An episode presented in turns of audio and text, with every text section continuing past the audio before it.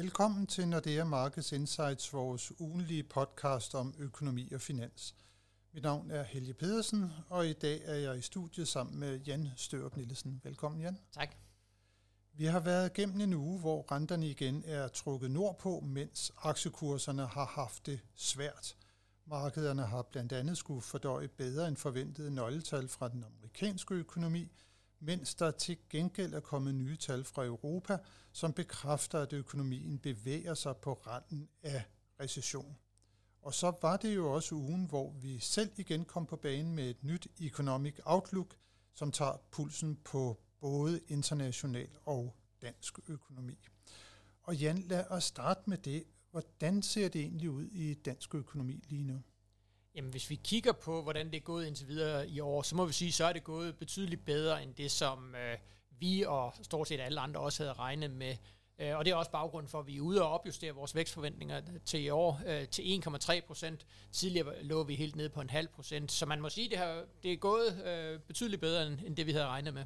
Når vi så kigger på, på tallene, sådan, hvor du sagt BNP-væksten, så må vi jo også sige, at der er en branche, som der stikker lidt ud, og som gør, at det måske på papiret ser endnu bedre ud for dansk økonomi, end realiteterne er. Ja, og det, det skal man selvfølgelig huske at have med. Det er meget af den fremgang, vi har haft, har været drevet af medicinalindustrien, der jo er boomet afsted, øh, og som har gjort, at når vi kigger på sådan noget dansk industriproduktion og sammenligner det med for eksempel Tyskland og Sverige, jamen så er, er, klarer vi os markant bedre end det, end det vi ser i, i de omkringliggende lande. Så det er i hvert fald også en af for forklaringerne på, at det går så, så godt. Ja, og Danmarks Statistik lavede jo sådan et lille sjovt regneeksempel, hvor de faktisk sagde, at hvis man tager væksten fra første halvår af 2023 og sammenligner den med, med 2022, jamen så havde vi en, en forholdsvis positiv vækst i dansk økonomi, men hvis man trækker medicinalsektoren ud, så var der faktisk tilbagegang. Øh, så det viser bare, hvor meget den industri den, den fylder i dansk økonomi. Og det er jo noget af det, som vi jo også tidligere har været inde på, Jan, at der måske var sådan lidt en underliggende tegn og tendens på en afmatning i dansk økonomi. Altså når vi har kigget på sådan det, der udgør efterspørgselen i samfundet, privatforbruget, investeringsaktiviteten blandt andet, øh, så har det jo været sådan lidt sværere øh, hen over det, det seneste års tid. Ja, der kan vi, der kan vi tydeligt mærke øh, effekten af, af specielt de højere renter, og selvfølgelig også den afmatning, også som du snakkede om i euroområdet. At, altså, den, den rammer jo dansk økonomi, øh, men den bliver bare lidt overskygget, fordi at, at vi har den her stærke medicinalindustri. Men det er rigtigt, hvis vi kigger for eksempel på udviklingen i privatforbruget, jamen så har det ikke været specielt imponerende. Øh, også hvis vi kigger på industriproduktion, der ikke lige ligger i medicinalindustrien, så har den faktisk også været i tilbagegang øh, over det seneste år. Så der er bestemt nogle svaghedstegn øh, i dansk økonomi. Og så, hvis vi tager øh, dem, der nok er allerhårdest ramt, altså øh, nybyggeriet. Altså, der bliver, ikke, der bliver ikke opført ret mange nye hus for tiden, og det er jo lige præcis et, et, et eksempel på, at de her højere renter, de, de rammer altså nu. Og på den måde kan man sige, der får de jo så også den ønskede effekt, øh, ikke alene på dansk økonomi, men også på den internationale økonomi, for formålet med at stramme pengepolitikken så meget, som tilfældet har været det, det er jo at få den høje inflation ned. Og hvordan er det, det egentlig går, Jan, sådan med, øh, med inflationen øh, i, i dansk økonomi? Jamen, den er på vej ned. Hvis man kigger sådan... Øh igennem sådan en månedlig udsving, så er vi øh, på vej lavere. Vi var jo helt oppe og ramme 10 procent øh, tilbage i oktober sidste år, og der har vi altså set sådan en, en støt nedadgående bevægelse. Øh, vi kom så en smule højere, da vi fik tallene for juli. Vi kom op på 3,1 procent. Øh, men igen, altså, hvis man kigger igennem de her månedlige udsving, så er vi på, vi er på vej lavere med inflationen. Og det er vel også noget, der skulle give et vist håb om, at noget af den der tabte købekraft i husholdningerne sidste år, at den begynder at kunne blive genbundet? Ja, der er man i gang med at, at, at fylde hullet op igen, kan man sige, øh, fordi lønningerne stiger lige nu hurtigere end inflationen, og det er jo også det, som vi har lagt ind i vores prognose, at det, den udvikling tror vi kommer til at, at vare ved, så husholdningerne stille og roligt får indhentet det tab af købekraft, som, øh, som de bliver ramt af det under, øh, under inflationskrisen.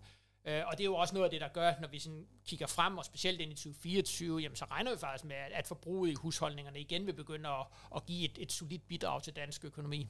Så det vi ligger op til, det er, at der har været sådan en midlertidig svækkelse i, i det private forbrug, men at det nok skal komme igen.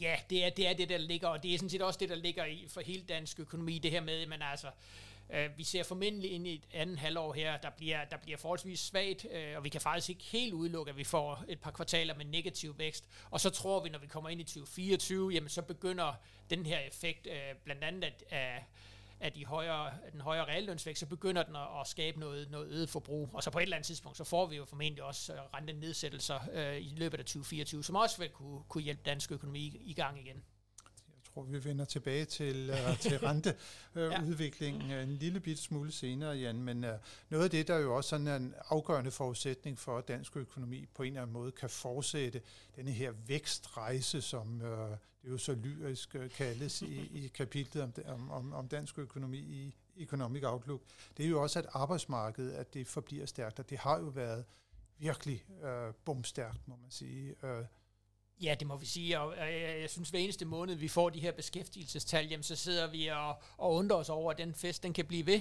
Uh, altså, jeg havde jo troet, at, at vi ville begynde at se beskæftigelsen falde lidt tilbage nu, men, men hver eneste måned, vi får de her tal, jamen, så viser det, at der er skabt endnu flere arbejdspladser i dansk økonomi. Vi kan så se, når vi kigger over på, på ledighedsdelen af det, altså arbejdsløsheden begynder at stige. Uh, det er stadigvæk meget, meget lidt, men, men trods alt begynder uh, arbejdsløsheden at, at, at krybe en smule højere. Øh, og vi kan også se sådan noget som antallet af ledige stillinger er heller ikke lige så højt, som det har været. Øh, men igen, når vi kigger i et lidt længere perspektiv, så er det danske arbejdsmarked stadigvæk bumstærkt. Og det er vel også sådan, at hvis vi kigger på for eksempel øh, regeringsøkonomerne, der var ude med en prognose her øh, for, for nylig lidt inden vi kom, de konstaterede jo også, at der i Danmark fortsat er det, man kalder et positivt beskæftigelsesgab, altså der dybest set underliggende er mangel på, på arbejdskraft derhjemme. Ja, og det er jo også derfor, vi er helt afhængige af at få øh, udenlandsk arbejdskraft, og det kan vi jo også se, hvordan den er strømmet til øh, Danmark. Altså, der har aldrig været så mange udlændinge i beskæftigelse, som der er lige nu. Øh, og der er ingen tvivl om, at hvis man vil fortsætte på den her vækstrejse, som vi snakkede om, jamen så, så er der ingen vej udenom, at så skal man, så skal man fortsætte den udvikling, øh, simpelthen fordi der er ikke nok arbejdskraftsressourcer inden for landets grænser, som det ser ud lige nu. Så super stærkt øh, arbejdsmarked, og vi har jo også, det ved vi, flotte offentlige finanser. Mm. Vi har et kæmpe overskud også på, på betalingsbalancen. Så, så dansk økonomi øh, står vel med et rigtig godt udgangspunkt og er sund og stærk, før denne her mulige afmatning, den, øh, den begynder ja, at, at træde ind. Og den kommer jo fra et, fra et meget højt niveau, som du siger, så det er, det er faktisk svært øh, sådan at finde de helt store øh, svagheder i dansk økonomi. Øh, der er selvfølgelig noget, øh, altså øh, for eksempel øh, den del af industrien, der ikke ligger inden for medicinalsektoren, der ser vi faktisk en nedgang, og vi hører også fra en, fra en del industrivirksomheder, at de mærker presset fra, fra lavere efterspørgsel. Også bare det med, at Tyskland er gået fuldstændig i stå, øh, rammer jo også mange danske virksomheder. Øh, men sådan i det overordnede billede, så står vi, så står vi rigtig, rigtig stærkt. Øh, og det gør jo også, at hvis krisen eller afmatningen bliver større end det, vi havde regnet med, så er der masser af muligheder for at gå ind og, og, og stimulere aktiviteten øh, og undgå, at det bliver en, en, en hård nedtur, vi, vi, vi kommer ud for. Ja, nu nævner du lige det med, med industrien der. Der Ja, så, så vidt jeg øh, ved, så er det vist kun elektronikindustrien, der også fortsat øh, oplever lidt, øh, lidt fremgang ud over medicinalindustrien. Øh. Ja, så for eksempel vores vigtige maskinindustri, øh, der er faldet med omkring 10 procent øh, over, over det seneste år. Så der er, der er noget svaghed, og det er selvfølgelig vigtigt at være opmærksom på, også i forhold til, når man, når man udformer den økonomiske politik, at øh, ligesom kigge ned på de, på de enkelte brancher, for der er meget, meget stor forskel på, hvordan øh, brancherne de oplever øh, den aktuelle situation. Og der er det jo netop også, som du siger, det kan være svært nu her, hvor den tyske økonomi den begynder at gå i stå. Og jeg kan da også lige nævne, at vi har sådan et øh, svagt øh, øh, forecast for, for euroområdet, øh, hvor vi øh, nærmest ikke ligger op til, at der kommer noget vækst over det, det kommende års tid. Og det er klart, at der er vores store øh, tyske eksportmarked, Sverige er også inde i en øh, alvorlig økonomisk nedtur, det er noget, der påvirker eksportudsigterne. Øh, Ja, det, det vil uundgåeligt ramme, øh, ramme de danske eksportvirksomheder. Øhm, og, men igen, som du siger også, det er vigtigt at understrege det her med, at meget af den afmatning, den er jo den er jo et eller andet sted bevidst skabt af centralbankerne, der for at få efterspørgselen ned. Og det giver jo så også håb om, at når man får inflationen under kontrol, at, og man begynder ligesom at kunne lempe pengepolitikken igen, jamen, så kan man øh, genstarte den her aktivitet. Det er i hvert fald noget af det, som, øh, som du og jeg, vi også kommer til at, at snakke meget mere om, hvordan det kommer til at gå i, dansk økonomi øh, fremadrettet. Jan, øh, vi skal jo også lige have, have, have vendt øh, sådan noget som, som renteudviklingen, for vi skal jo også lige have, have, have snakket også om vores øh, forventninger til, til boligmarkedet. Renterne de er steget kraftigt. Øh, boligrenterne de er op på nogle niveauer, som vi ikke har set det faktisk øh, siden øh, perioden lige efter finanskrisen. Kan boligmarkedet, kan det, kan det, kan det holde kadencen i, i det her nye rentemiljø? Altså, hvis jeg var faldet ned for månen, og, og var ligesom blevet præsenteret for de renter, vi har i dag, og så sagt, hvordan tror du så boligmarkedet har udviklet sig, så vil jeg have sagt, at, at priserne skulle falde meget mere, end det de reelt har gjort. Øh, også fordi, vi ser jo også, at altså, i starten af de her renter steg, jamen der var det, øh, der var det kun en del af boligmarkedet, der ligesom blev ramt, men jo længere tid vi har de her høje renter, jo flere der får konverteret deres, øh, deres lån, øh, får refinansieret, jamen jo, jo større en del bliver, bliver ramt af de her højere renter. Øhm, så, så umiddelbart vil jeg sige, at, at, at de renteniveauer, vi har i dag, vil lægge et nedadgående pres på priserne. Men omvendt må vi også sige, at altså, øh, den her rekordhøje beskæftigelse trækker den anden vej. Øh, og det vi bare kan se fra tallene, jamen, det er jo, at boligpriserne faktisk er steget svagt her hen, hen over første halvdel. Øh, men jeg synes, det, det kommer lidt som en overraskelse, at, at, at de ikke skulle falde mere, end de rent faktisk har gjort. Ja, så det vi må give udtryk for, det er jo sådan lidt øh, forsigtighed omkring øh, netop, hvordan boligpriserne de kan komme til at udvikle sig. For en ting, det er jo, at de måske har stabiliseret sig og steget lidt, men der bliver jo heller ikke handlet nær så mange boliger, som der, der ellers ville have, have været der. Nej, og det er også derfor, at vi i prognosen har fuldstændig flad øh, prisudvikling øh, igennem 2024, netop fordi der er de her to modsatrettede effekter. Den bumstærke danske økonomi, øh, stigende købekraft, øh, det trækker op af boligpriserne, og så har vi de høje finansieringsomkostninger, der trækker den anden vej, og der tror vi altså, at de mere eller mindre kommer til at udligne, udligne hinanden igennem 2024.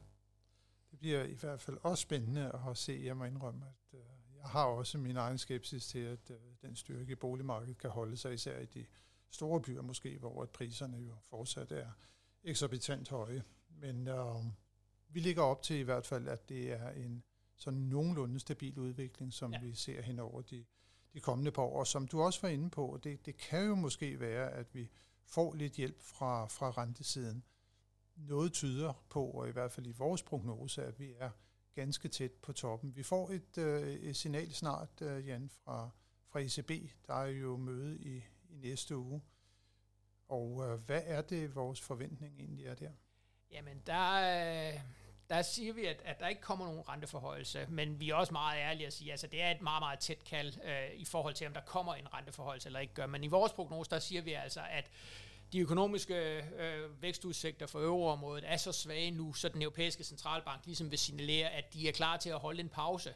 Præcis ligesom den amerikanske centralbank jo gjorde hen over sommeren. Der havde de også sat renten op, så sagde de, nu går vi på pause, skal lige se nøgletallene.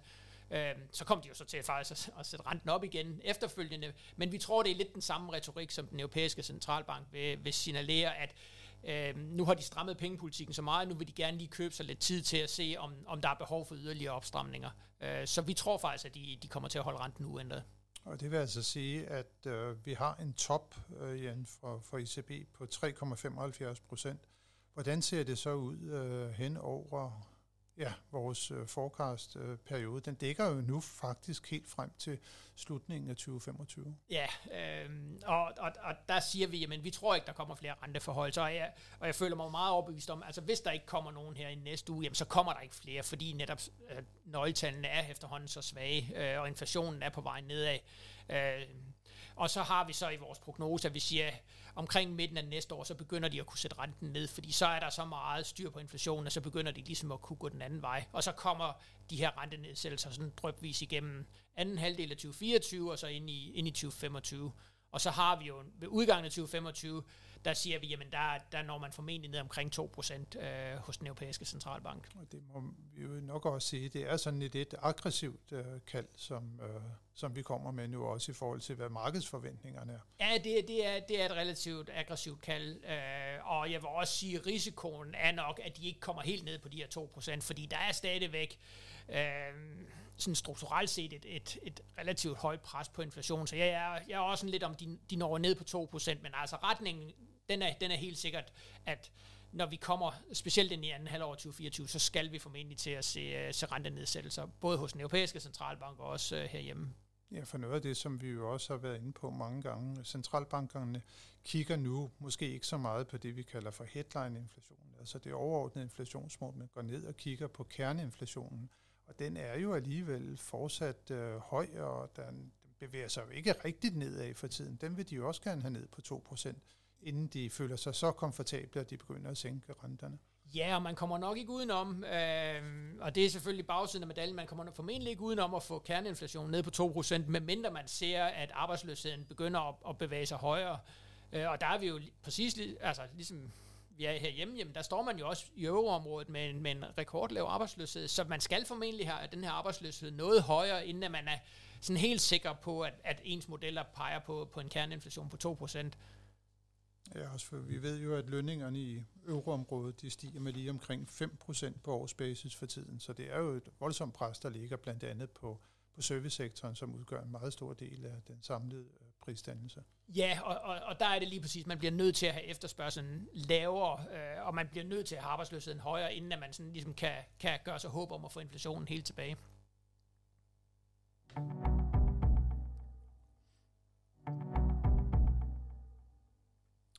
Inflationen er helt tilbage, øh, Jan, og øh, vi skal jo altid også her i vores øh, podcast kigge på udviklingen for de vigtige nøgletal, der kommer i næste uge. Og vi har snakket lidt om, der er et ECB-møde, det er absolut topgivenheden, men kigger vi isoleret ned på dansk økonomi, så kommer der jo på mandag et superspændende tal netop for inflationen.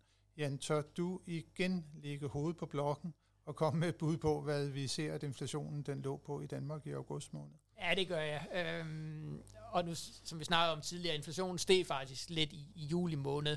Og jeg tror, vi kommer til lige at, at skvulpe rundt omkring de her øh, 3%. Vi har i vores prognose 3,1%, men sådan, lige omkring 3%, så det vil sige mere eller mindre uændret øhm, årstigningstakt i august i forhold til juli. Og der er sådan flere kræfter, der, der trækker i hver sin retning. Vi har faktisk fået stigende benzinpriser øh, her i, igennem august. Til gengæld så tror jeg altså, at vi begynder at se, at nu bevæger fødevarepriserne sig nedad. Det er jo noget, vi har ventet på længe og, og troet på længe. Øh, men jeg synes, med de udmeldinger, man hører rundt omkring, jamen så, så ligner det, at, at vi skal lidt lavere på den del af det. Øh, så der er sådan lidt højere benzinpriser, formentlig lidt lavere fødevarepriser, og når vi putter alt det ind i, i vores regnark, jamen, så ligner det, at vi kommer til at ligge lige øh, en smule over 3% i august. Det bliver i hvert fald øh, også spændende at se, og så får vi altså også blandt andet inflationstal for USA i august måned. Øh, det kommer på, øh, på onsdag, og inflationstal også for Finland og Sverige, og så altså også øh, rentemøde i ECB som hovedbegivenheden på torsdag i næste uge. Så en super spændende uge, hvor der altså ikke mindst bliver fokus på ECB på torsdag, men også en uge, hvor vi får nyt om inflationsudviklingen. Tak for nu, Jan, og tak til alle jer, som har lyttet med. Det håber vi også, I vil gøre, når vi er tilbage med nyt fra de finansielle markeder i næste uge.